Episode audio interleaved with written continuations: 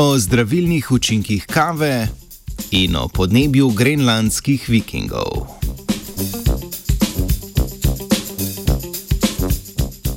Da kava blagodejno vpliva na naše počutje, je verjetno znano veliki večini izmed nas. Vemo pa tudi, da ima nekatere pozitivne učinke na zdravje. Znano je, naprimer, da je pri kofetarjih in kofetaricah tveganje za nastanek sladkorne bolezni tipa 2 manjše. Ta je posledica relativnega pomankanja inzulina, hormona, ki sodeluje pri procesu pretvorbe glukoze v energijo.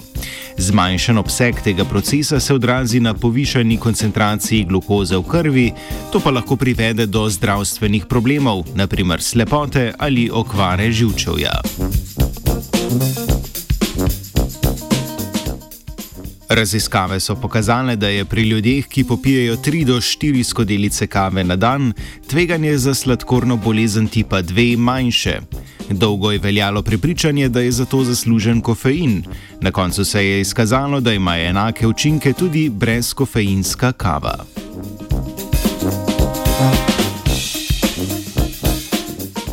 Izmed vseh učinkovin, ki bi lahko bile zaslužne za prej opisane pozitivne lastnosti kave, so nedavno nedvoumno potrdili učinek dveh. Gre za spojini kafestol in kavno kislino. Te spojini delujeta tako, da spodbudita dodatno izločanje inzulina. Za kafestol se predvideva, da poveča tudi privzem glukoze v mišične celice.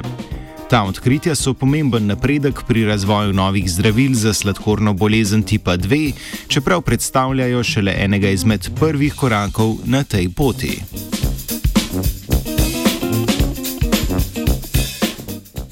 Meritve beriljevega izotopa 10 v ledeniških nanosih z Grenlandije in Kanade so dokončno pokončale idejo globalno konsistentnega srednjeveškega toplega obdobja. Srednjeveško toplo obdobje je znano tudi kot srednjeveška podnebna anomalija. Skeptikom klimatskih sprememb služi kot eden ključnih argumentov proti ideji človeško povzročenega globalnega segrevanja z začetkom v 19. stoletju. S pomočjo te otoplitve naj bi norveški vikingi kolonizirali Grenlandijo, na to pa jo v začetku 14. stoletja zaradi mraza in lakote ob nastopu male ledene dobe zapustili.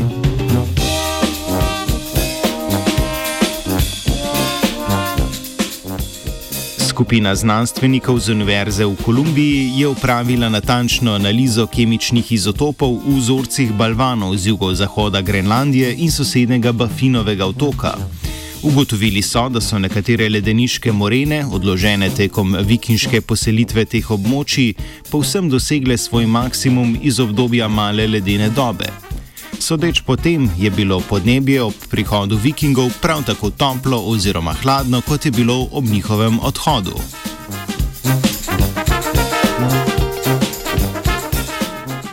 Vodja raziskave, ledeniški geolog Nikolas Young, meni, da študija dokazuje eurocentričnost koncepta srednjeveškega toplega obdobja.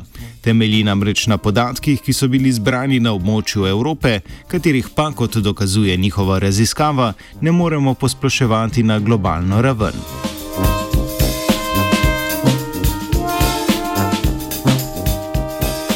Podnebje vikingov sta ob jutranji kavi diagnosticirala vajenca Jure in Domen.